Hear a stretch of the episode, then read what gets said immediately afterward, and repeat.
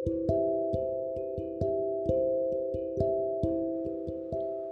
okay, welcome back again to my podcast. Uh, udah cukup lama ya nggak bertemu, nggak tahu juga sih ada yang dengar atau enggak. Oke, okay, sekarang gue baru pulang dari kantor dan sekarang gue lagi main uh, game ya, main PS. Nikmati kesendirian sebagai perantau di kosan. anyway, uh, banyak yang pengen gue ceritain ya akhir-akhir ini sekitar sebulan atau dua minggu terakhir ya.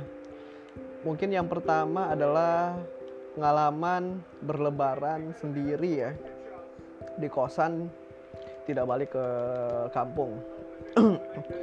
nah, mungkin tidak hanya gue saja yang merasakan, banyak juga yang ngerasain bahwa lebaran kali ini tuh beda banget ya karena biasanya yang lebaran kita harus keluar ya berbondong-bondong keluar kita sholat kemudian dengar ceramah terus foto-foto dan sebagainya.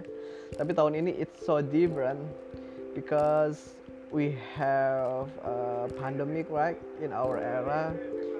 So kita harus menyesuaikan juga. Dan ya itu tidak menghambat kita sih sebenarnya untuk melaksanakan ibadah.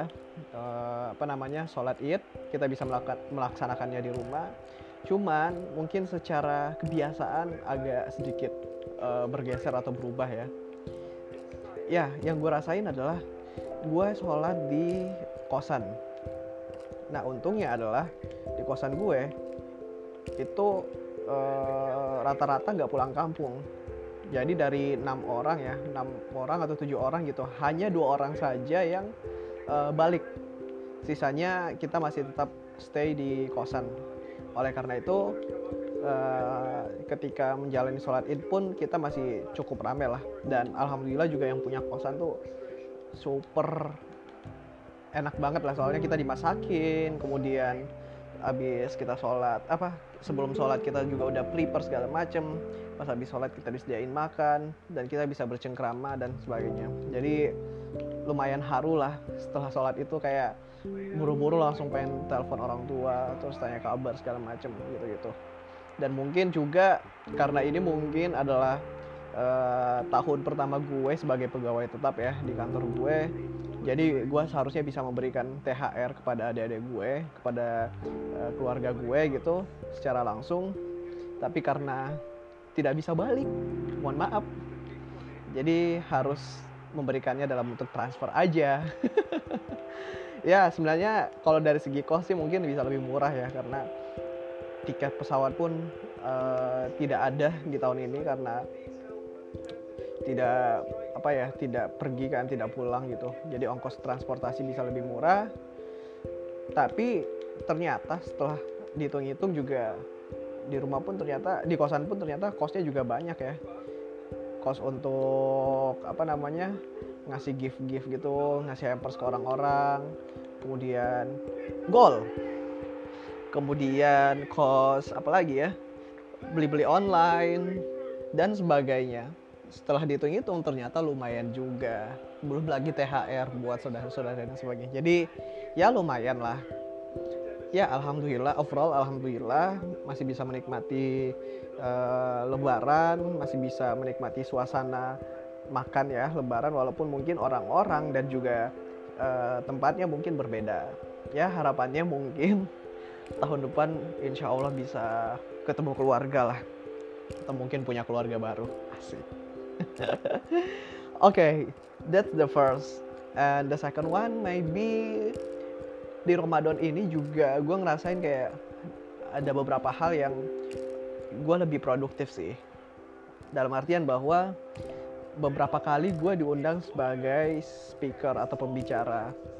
Jadi yang pertama itu gue diundang uh, sebagai pembicara di kampus UIN Makassar waktu itu. Soalnya gue sempat ngajar kan dulu waktu itu tuh. Waktu gue magang di Makassar gue sempat ngajar dan nggak taunya gue tiba-tiba di DM gitu kan. Kak uh, ini dong uh, apa namanya ceritain tentang uh, perbankan uh, saat pandemi ini seperti apa gitu. Walaupun sebenarnya temanya nggak nggak ini sih. Maksudnya dipaksain banget gitu. Dia nggak nggak fokus gitu loh. Dia pengen membahas tentang pandemi covid tapi di, satu, di satu sisi juga dia pengen membahas tentang gimana untuk mengembangkan bank syariah dari sektor digitalnya. Nah ya udah mumpung gue masih ada materi waktu training ya udah gue manfaatin aja materi itu.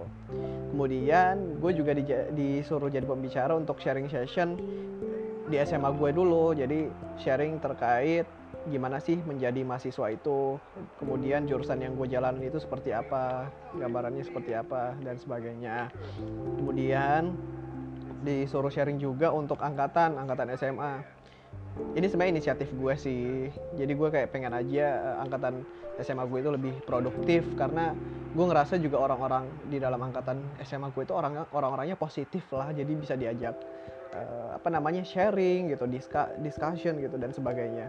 Ya alhamdulillah gue sebagai piloting juga sih untuk uh, sharing-sharing selanjutnya gue bisa sharing tentang uh, financial management kepada teman-teman kemudian setelah gue sharing dan ada beberapa teman gue yang ngepost gitu kan di story terus gue repost juga ternyata gue di DM lagi nih sama uh, kenalan gue gitu kenalan gue ini dia punya komunitas yang gede gitu Nah, kemudian gue di-invite juga untuk jadi speaker dengan tema yang sama gitu.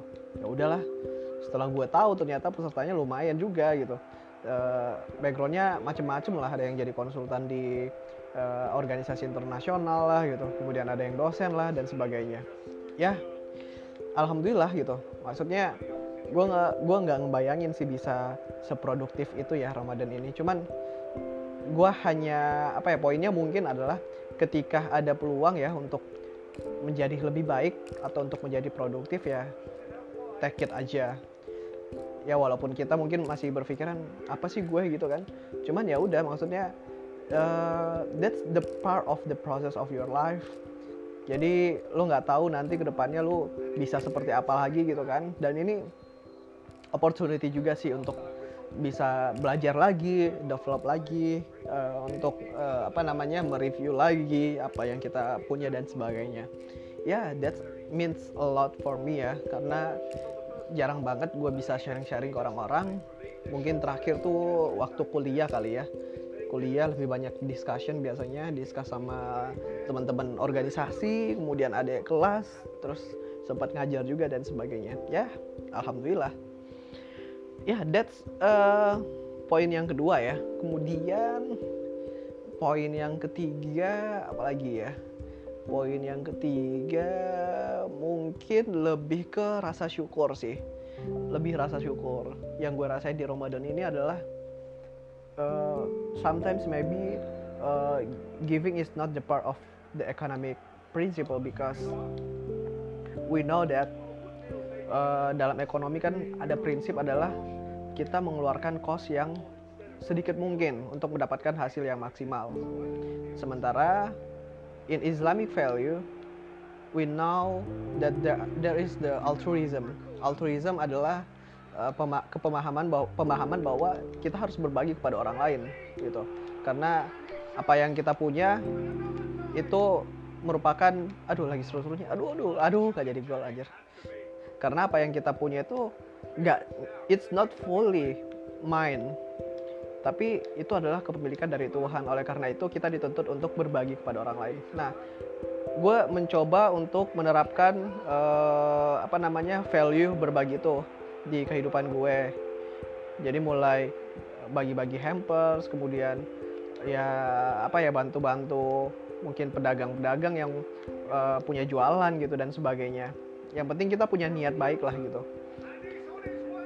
In economic perspective maybe uh, our wealth will be decreased ya.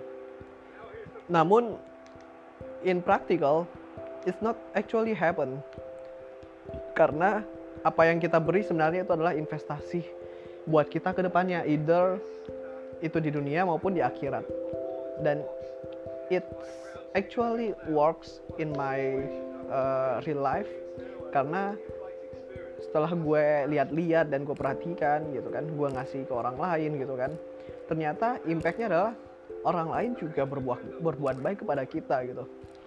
Banyak banyak yang apa ya yang ngasih juga ke gue gitu kan. Dia tahu gue anak kosan dan sebagainya. Banyak juga yang tiba-tiba ngasih dan sebagainya. Dan alhamdulillah gitu.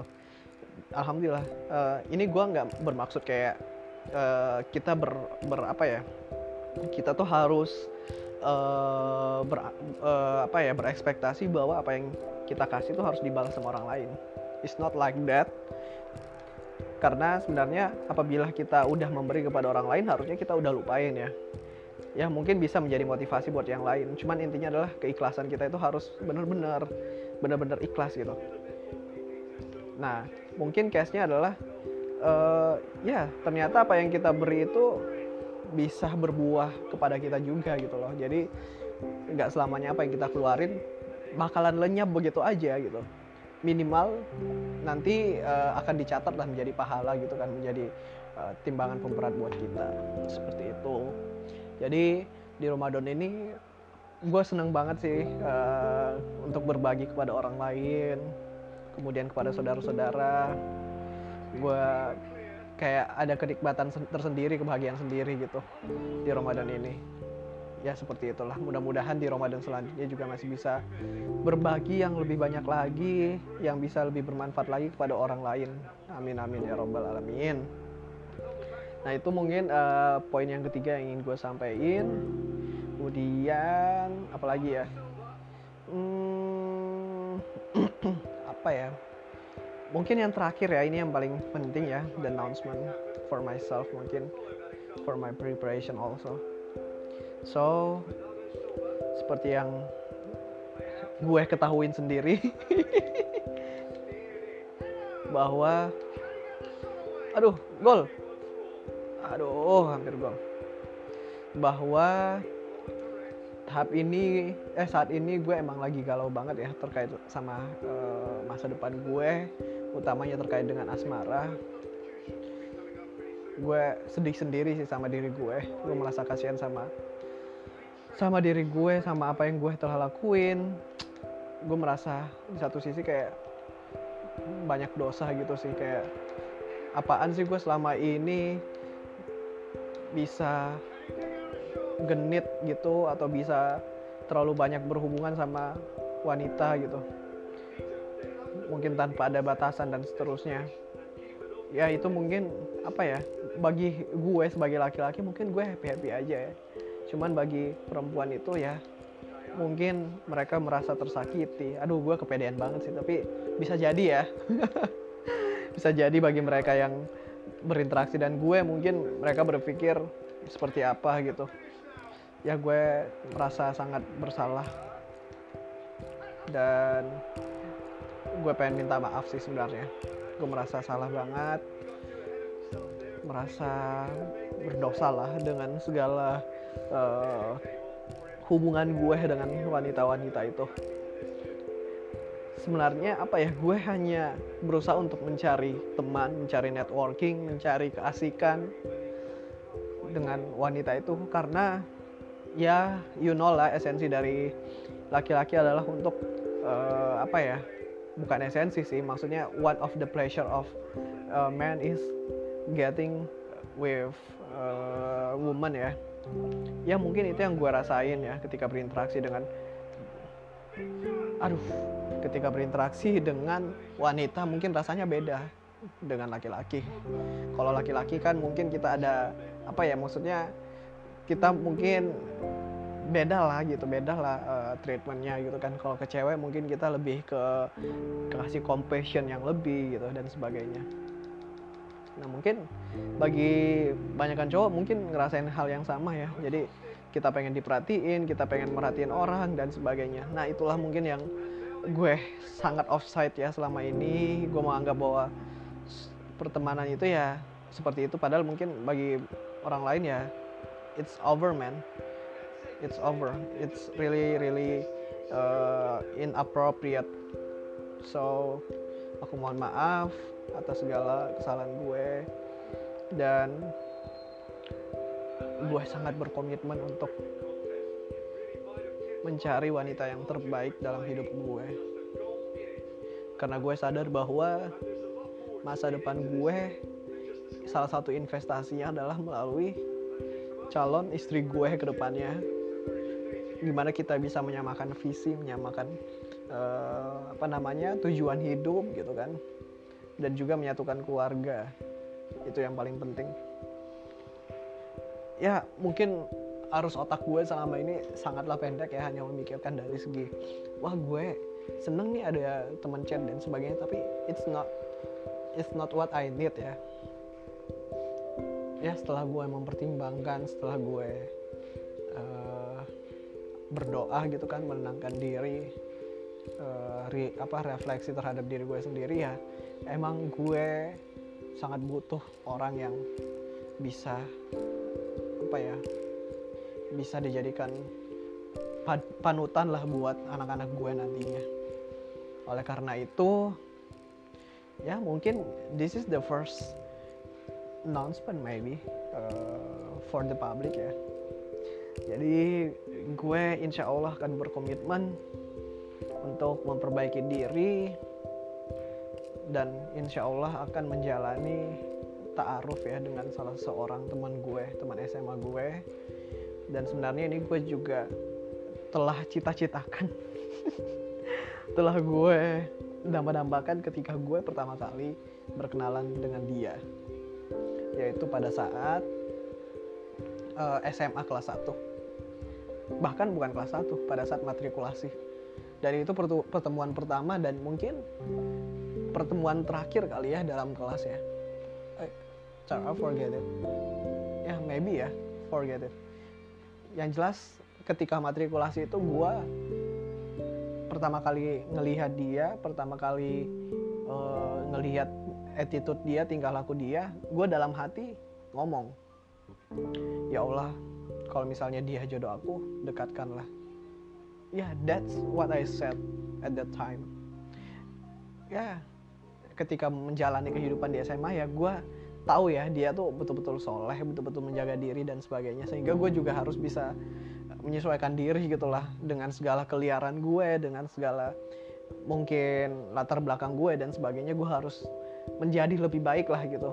Dan tentunya ini niatnya kepada Allah ya. Oleh karena itu ketika SMA gue banyak berubah gue banyak belajar gue harus menjadi lebih baik untuk bisa mendapatkan dia. Gitu. Ya walaupun dalam perjalanannya emang gitu rumit ya. SMA ya alhamdulillah gue seneng banget sih dipertemukan di satu organisasi yang sama yaitu OSIS. Gue bisa uh, lebih tahu dia seperti apa gitu kan. Dan semakin kenal rasanya gue semakin uh, kagum aja sih semakin uh, apa ya semakin mendambakan gitu loh ya udah setelah SMA lanjut kuliah. Dia kuliahnya di Jogja sementara gue di Depok. Mungkin ketika kuliah tuh jarang banget sih ada interaksi. Jarang banget ada interaksi. Paling kita sempat ketemu tuh sekali atau dua kali gitu ketika gue berkunjung ke Jogja. Waktu itu ada perlombaan. Dan di situ gue kayak malu banget sih kayak gue how to start my conversation with her. Kayak I'm really really confused ya udah gue hanya bisa uh, kayaknya nggak ada percakapan sama sekali ya. Gue hanya bisa melihat dia kemudian gue hanya bisa mendoakan yang terbaik gitu kan. Dan pada saat itu gue nggak ada kepikiran kayak uh, gue harus lanjut lagi nih gitu. Ya udah gue kayak nothing tulus aja. Dan doa gue selalu adalah semoga dia mendapatkan yang terbaik. Semoga dia mendapatkan pria yang benar-benar terbaik lah gitu.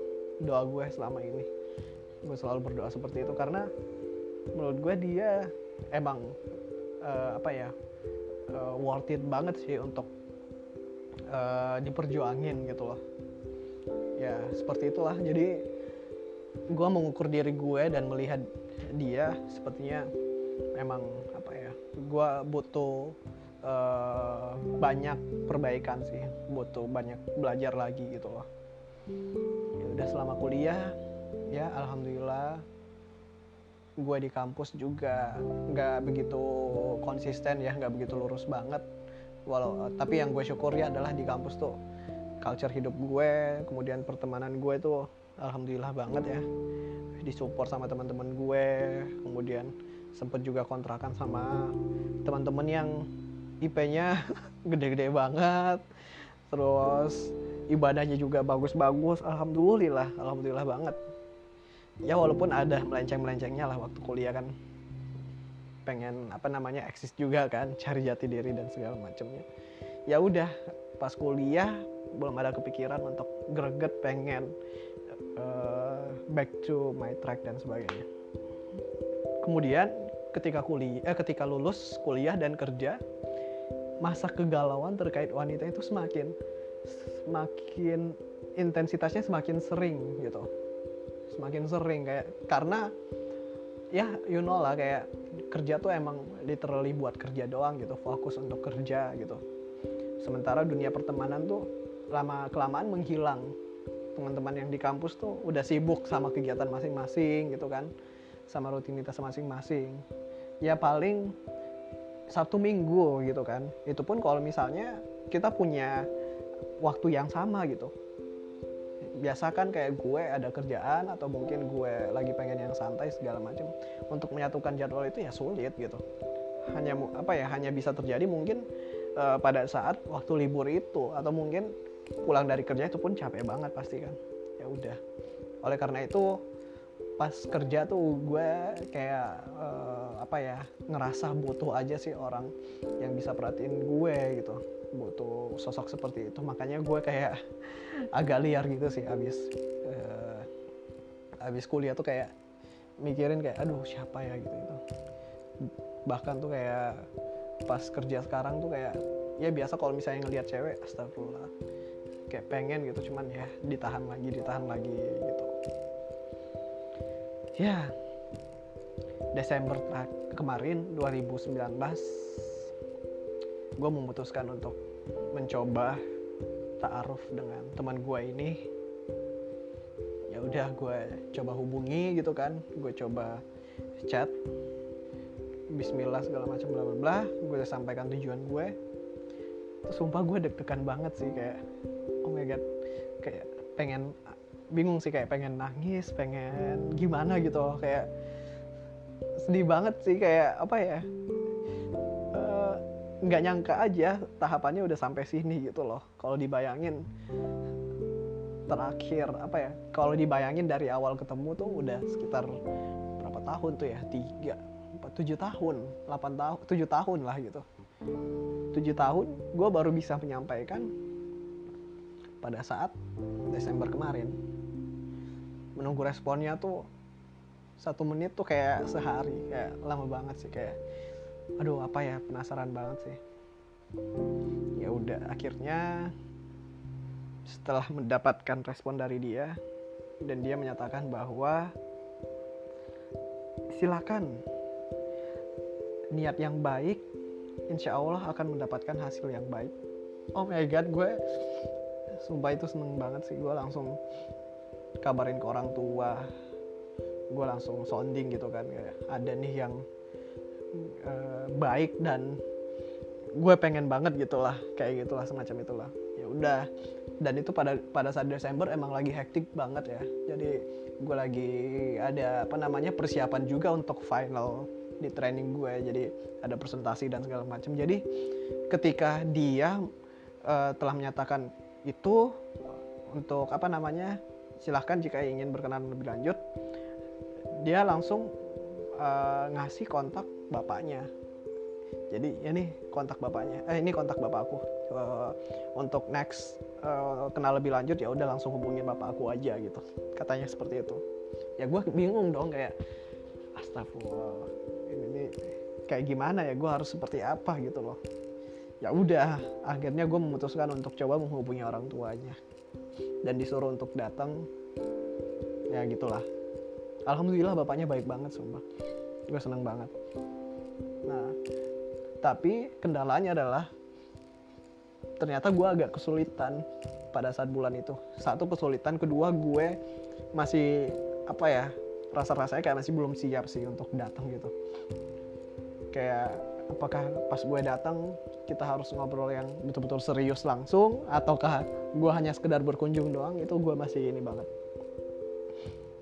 ya udah setelah itu uh, akhirnya si dianya lagi menyampaikan bahwa setelah melihat kondisinya dia dan juga kondisinya gue akhirnya proses ini tidak bisa dilanjutkan. Dia membalas seperti itu. Dan habis cari itu ya Allah gue sedih banget sih. Gue nggak tahu sih antara sedih atau gimana ya. Soalnya dari gue nya sendiri juga gue ngerasa kayak masih belum siap sih banyak hal yang masih belum siap dari segi agama, dari segi keuangan, dari segi uh, visi juga ke depan dan sebagainya. Dan sisi lain, ya gue sedih karena opportunity itu kayak menjauh gitu loh, kayak yang harusnya gue bisa uh, deket gitu, malah menjauh. Ya udah setelah itu akhirnya ya gue berusaha untuk positive thinking bahwa dia sedang menjalani studinya dan mungkin di bulan-bulan selanjutnya gue bisa purpose lagi seperti itu. Ya udah setelah itu berjalan lah Januari Februari Maret April. Empat bulan tuh berjalan tuh. Gue fokus benar-benar fokus kerja di kantor itu kan untuk memperbaiki apa namanya pekerjaan memperbaiki hidup kemudian juga menata hidup lebih baik ya setelah itu tibalah di bulan Syawal ini ya, setelah Ramadan bulan Mei. Ceritanya unik sebenarnya. Jadi ini berawal dari silaturahim juga, silaturahim dengan teman SMA. Jadi teman SMA gue juga dia menikah sama teman SMA gue, SMA gue juga. Jadi dia couple nih dalam angkatan nih. Nah, setelah kita cerita-cerita segala macem, ya muncullah pertanyaan terkait gue gitu kan. Gimana lu mau nikah? Kapan nih? Lu pengen sama siapa? Segala macem gitu kan. Ya akhirnya muncullah uh, perasaan itu lagi dan muncullah komitmen itu lagi dan muncullah keinginan itu lagi untuk apa ya menata hidup dengan mencari pasangan gitu ya yang ada di otak gue ya tetap orang itu gitu Waduh, walaupun banyak ya, maksudnya gue dalam pergaulan pergaulan kan banyak ya perempuan-perempuan gitu kan yang biasa ajak diskus segala macem gitu kan. Cuman yang benar-benar top of mind itu adalah dia gitu loh. Walaupun intensitas kita tuh jarang banget uh, apa ya komunikasi. Ya udah gue ceritalah. Gue awalnya sebenarnya malu sih kayak uh, apa namanya sadar diri lah kayak gue seperti ini terus dia seperti itu. Tapi justru teman gue malah menyemangati gitu. Dia mengatakan kalau gue ini orang yang apa ya uh, cocok lah orang yang pantas juga buat dia gitu kan. Dia menyemangati gue seperti itu walaupun ya mungkin ini hanya sebagai semangat doang. Ya udah setelah itu gue langsung terpacu lagi guys. Langsung merasa gue harus memperbaiki diri lagi untuk menjadi untuk menjadi pasangannya dia gitu. Dan setelah itu beberapa hari setelah itu gue memberanikan diri untuk mengecat lagi.